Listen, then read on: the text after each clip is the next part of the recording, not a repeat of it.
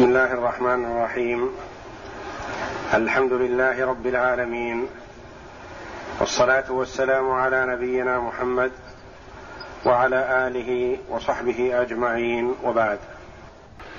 أعوذ بالله من الشيطان الرجيم. إذ يغشيكم النعاس أمنة منه وينزل عليكم من السماء ماء ليطهركم به. ويذهب عنكم رجز الشيطان وليربط على قلوبكم ويثبت به الأقدام. يقول الله جل وعلا إذ تستغيثوا إذ يغشيكم النعاس أمنة منه. إذ يغشيكم النعاس. قراءة أخرى إذ يغشاكم النعاس إذ يغشيكم النعاس ثلاث قراءات سبعيات يعني منسوبة إلى القراء السبعة. قراءة الأكثر إذ يغشيكم النعاس من الفاعل؟ فاعل يغشيكم هو الله جل وعلا.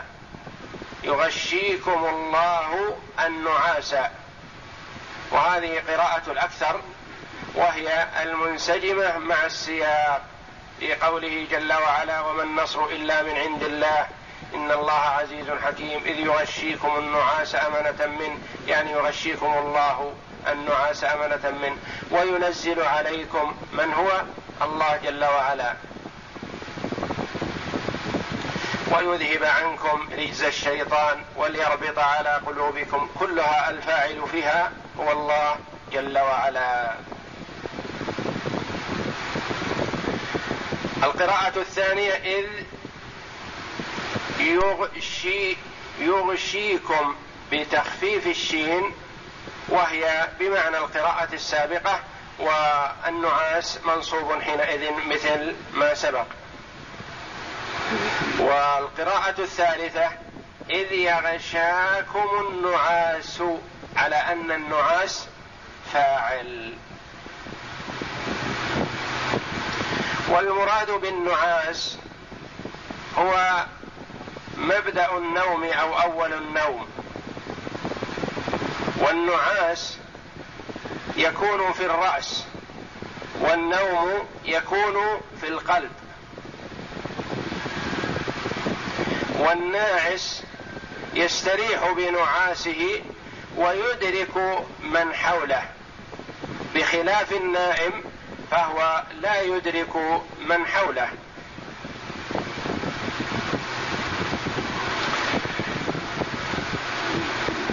وإذ كما تقدم في ما قبلها إذ تستغيثون ربكم وقبلها كذلك ظرف لما يستقبل من الزمان والعامل فيه محذوف تقديره اذكر نعمة الله اذكروا كذا وكذا إلى آخره. اذكر إذ يغشيكم النعاس. وهذه نعمة أنعم الله بها جل وعلا على أهل بدر. من الصحابة رضوان الله عليهم بأن غشيهم النعاس بأمر الله جل وعلا. والنعاس كما قال ابن مسعود رضي الله عنه عند الحرب من الله راحة وطمأنينة. وفي الصلاة من الشيطان لأنه تثبيط عن الطاعة وانشغال عنها إذ يغشيكم النعاس أمنة منه. أمنة مفعول لأجله أي لأجل الأمنة لأجل أن تأمنوا. لأن الخائف المرعوب لا ينام ما يأتيه النوم من خوفه ورعبه. فإذا جاء النوم للمرء في مواطن يتوقع فيها الخوف فإن هذا دليل الأمن. وهذه نعمة من الله. حصلت للصحابة قبيل المعركة وبعضهم قال في أثناء المعركة كما قال أبو طلحة إنه ليسقط مني السيف عدة مرات. وآخذه.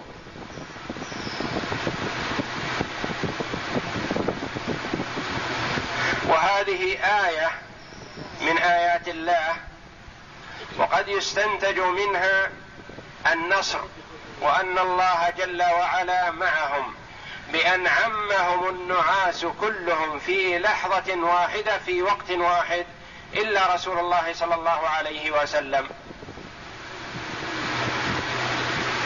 وهذه آية ومعجزة لا تحصل للمعسكر كله دفعة واحدة يصيبهم النعاس. إلا أنها آية من الله ومؤذنة بالطمأنينة وذهاب الخوف من قلوب الصحابة رضوان الله عليهم ومبشر بالنصر.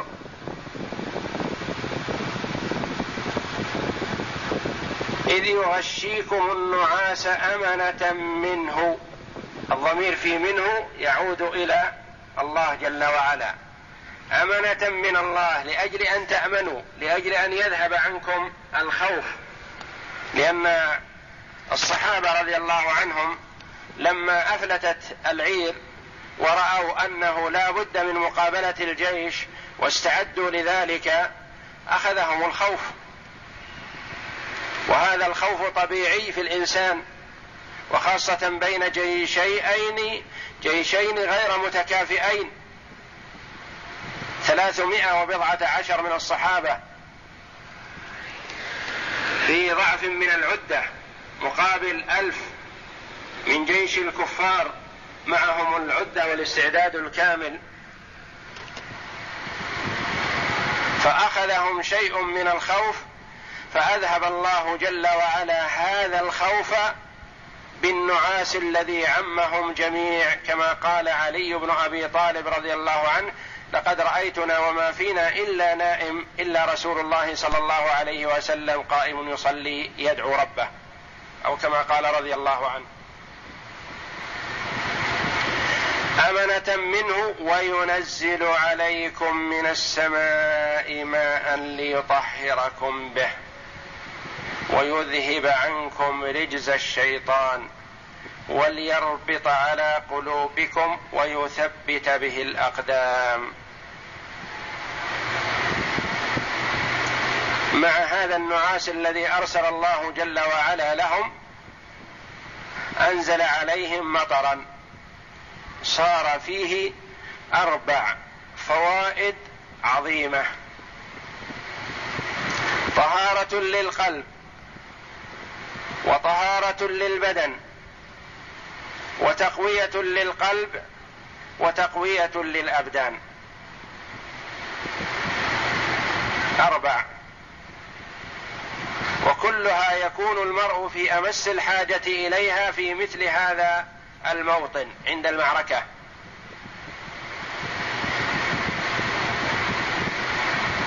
لأن طهارة البدن مع عدم طهارة القلب لا تنفع شيئا. وقوة البدن مع ضعف القلب لا تنفع شيئا. وإنما إذا اجتمع طهارة الباطن والظاهر وقوة القلب وقوة البدن فهذه نعمة عظيمة. وكل هذه من الله جل وعلا بسبب هذا المطر الذي أنزله عليهم. ونأخذ هذه الأربعة من الآية الكريمة. وينزل عليكم من السماء ماء ليطهركم به. هذه طهارة البدن. ويذهب عنكم رجز الشيطان وسوسة الشيطان. أين تكون؟ في القلب. يذهب عنكم رجز الشيطان. وليربط على قلوبكم. هذه تقوية القلب وشده. يكون قوي شديد.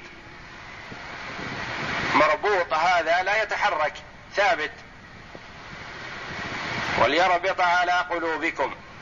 ويثبت به الأقدام تكون الأقدام قوية.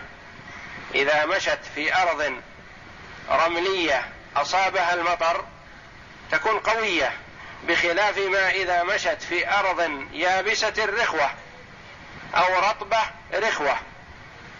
فإن البدن يزلق ويكون ضعيف ولا يستطيع الكر والفر وإنما في رمل مبلول يكون شديد الرمل تحت الأقدام يعني قوي ويكون البدن كذلك. في حالة الكر والفر يتمكن من ذلك.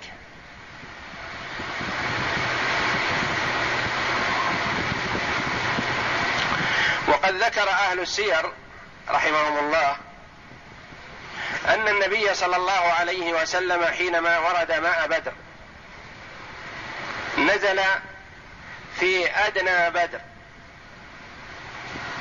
فقال الحباب بن المنذر أحد الصحابة رضوان الله عليهم أجمعين يا رسول الله انظر تأدب الصحابة مع النبي صلى الله عليه وسلم.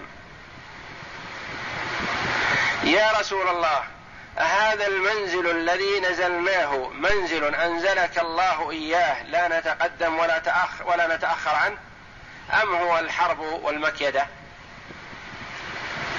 في مجال للرأي والمشورة فقال عليه الصلاة والسلام بل الحرب والمكيدة لم يخصص لي ربي هذا المنزل لا أتقدم عنه ولا أتأخر.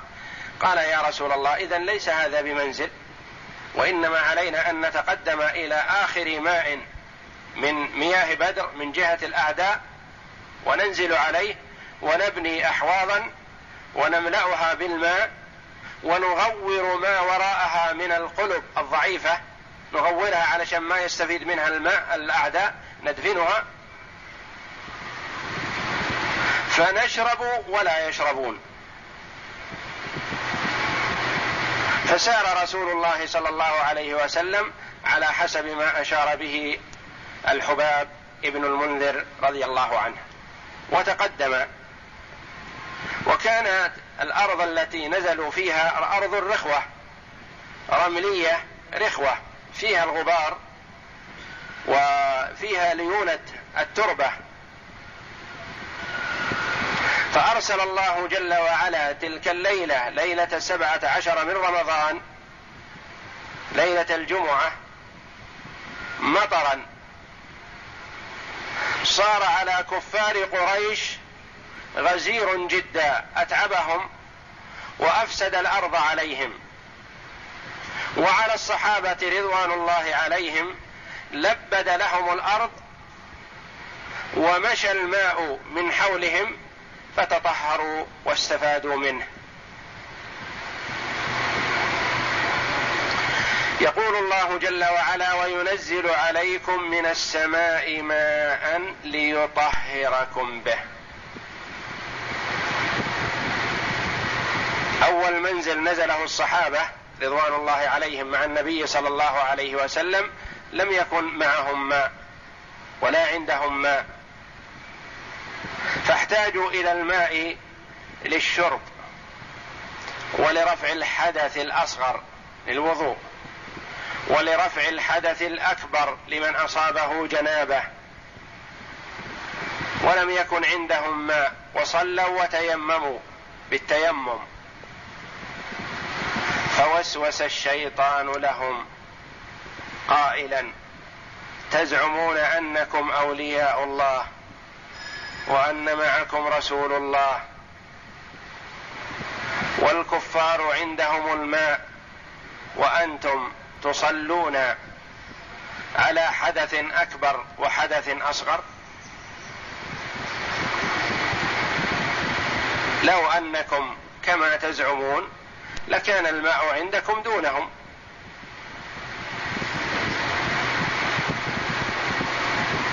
فالله جل وعلا أرسل هذا المطر فتطهروا به. اغتسلوا وشربوا وتوضأوا وملأوا الأوعية التي معهم.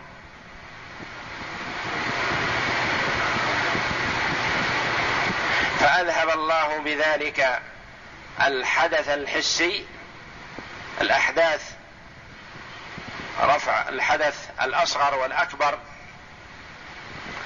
ورفع بذلك وأزال بذلك وسوسة الشيطان التي وسوس بها في قلوبهم.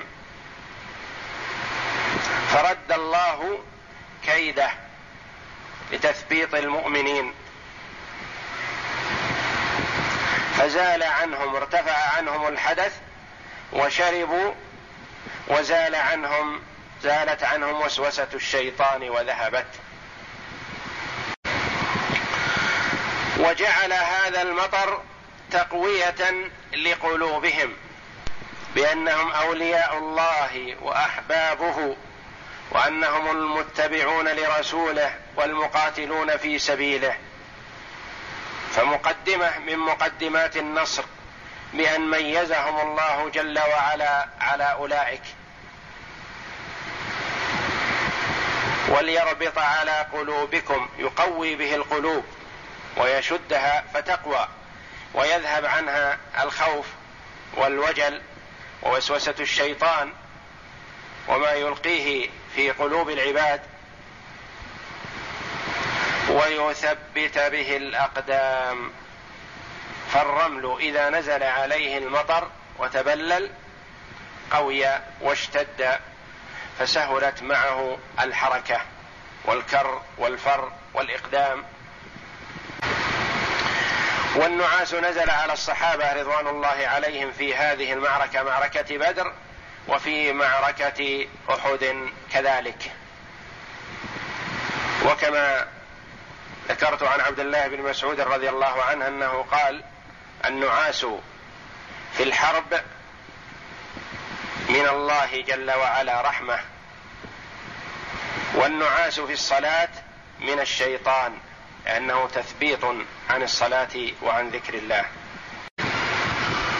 أعوذ بالله من الشيطان الرجيم. إذ يغشيكم النعاس أمنة منه وينزل عليكم من السماء ماء ليطهركم به ويذهب عنكم رجز الشيطان وليربط على قلوبكم ويثبت به الأقدام. يذكرهم الله تعالى. قال ابن كثير.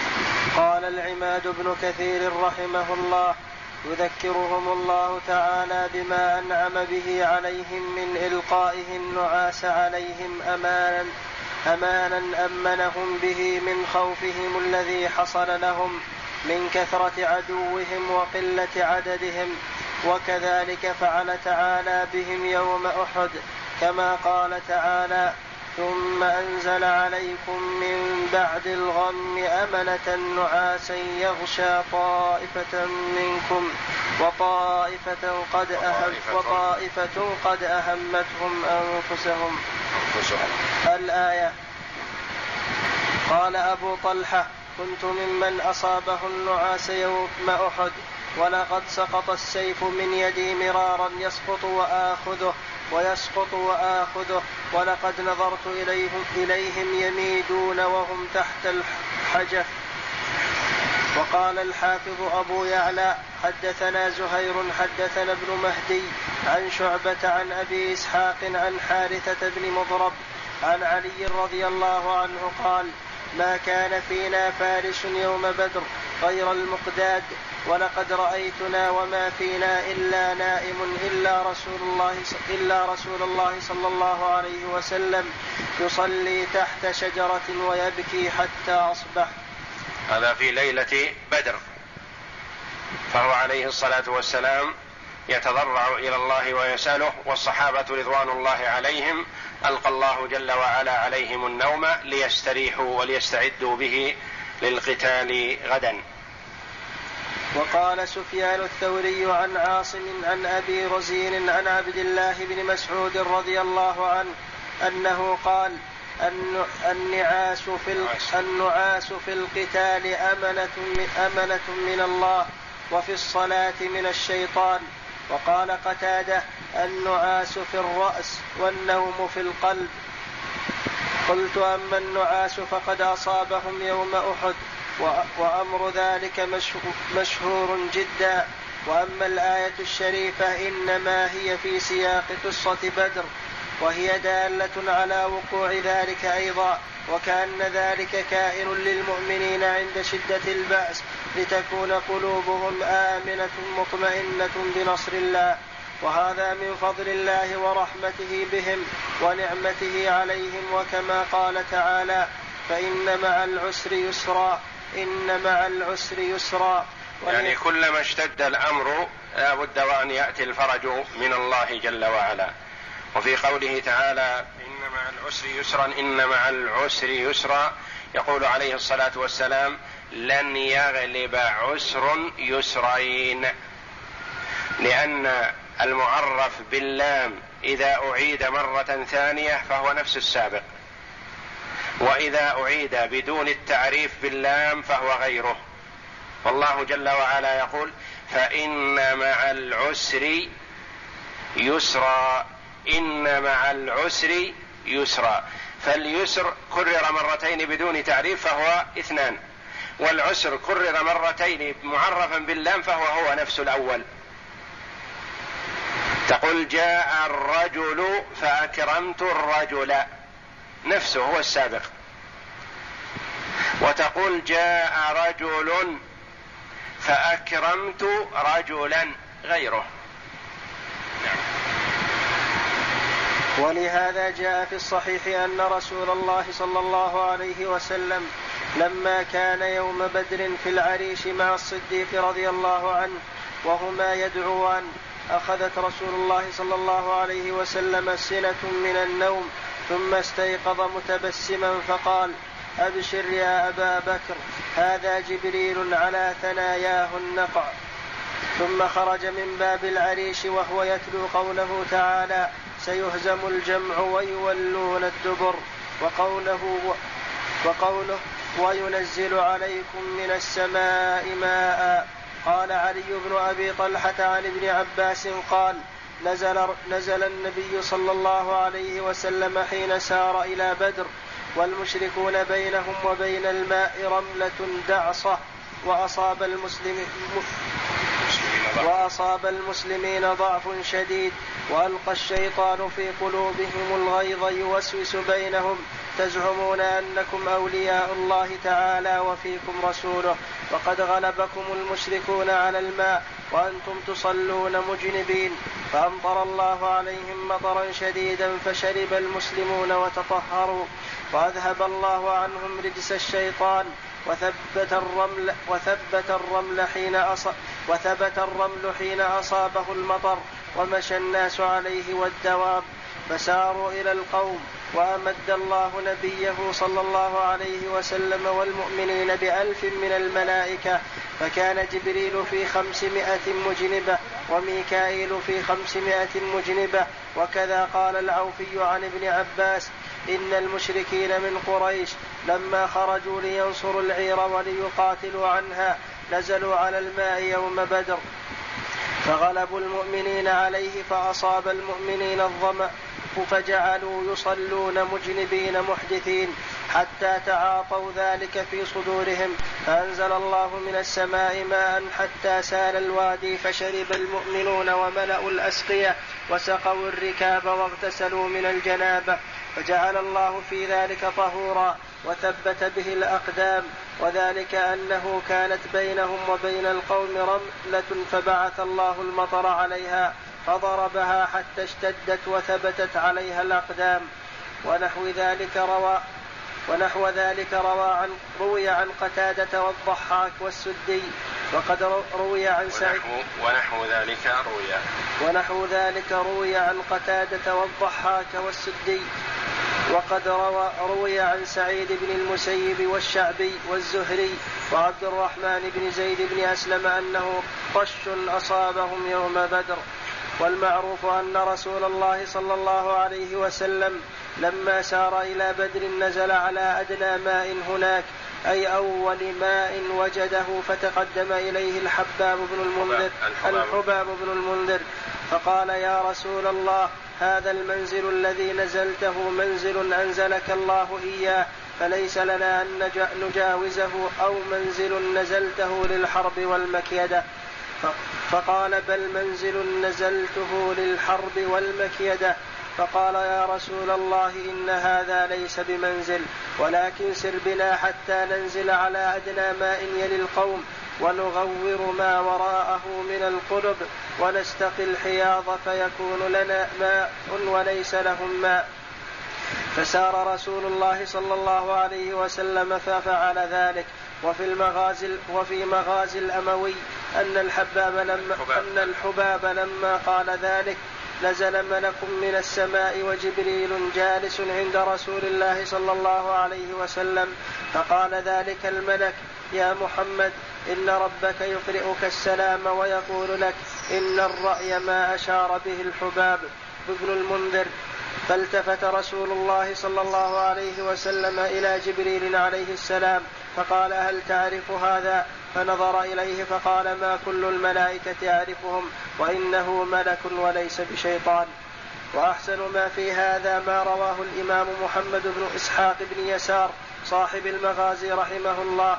حدثني يزيد بن رومان عن عروة بن الزبير قال بعث الله السماء وك وكان الوادي دهسا فأصاب رسول الله صلى الله عليه وسلم رسول الله. فأصاب رسول الله صلى الله عليه وسلم وأصحابه ما نبد لهم الأرض ولم يمنعهم من المسير. وأصاب قريشا ما لم يقدروا على أن يرحلوا معه. وقال مجاهد أنزل الله عليهم المطر قبل النعاس فأطفأ بالمطر الغبار وتلبدت به الأرض. وطابت نفوسهم وثبتت به أقدامهم.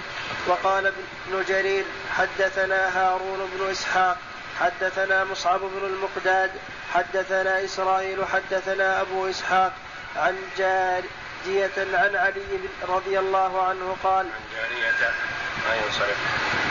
عن جارية عن علي رضي الله عنه نستظل تحتها من المطر. وبات رسول الله صلى الله عليه وسلم وحرض على القتال. وقوله ليطهركم به وقوله ليطهركم به أي من حدث أصغر أو أكبر وهو تطهير الظاهر. ويذهب عنكم رجز الشيطان أي من وسوسة من من وسوسة أو خاطر أو خاطر سيء أو خاطر سيء. وهو تطهير الباطن كما قال تعالى في حق أهل الجنة عاليهم ثياب سندس خضر واستبرق وحلوا أساور من فضة فهذا زينة الظاهر وسقاهم ربهم شرابا طهورا أي مطهرا لما كان من غل أو حسد أو تباغض. وهو زينة الباطن وطهارته وليربط على قلوبكم أي بالصبر والإقدام على مجال والإقدام على مجالدة الأعداء وهو شجاعة الباطن ويثبت به الأقدام وهو شجاعة الظاهر والله أعلم.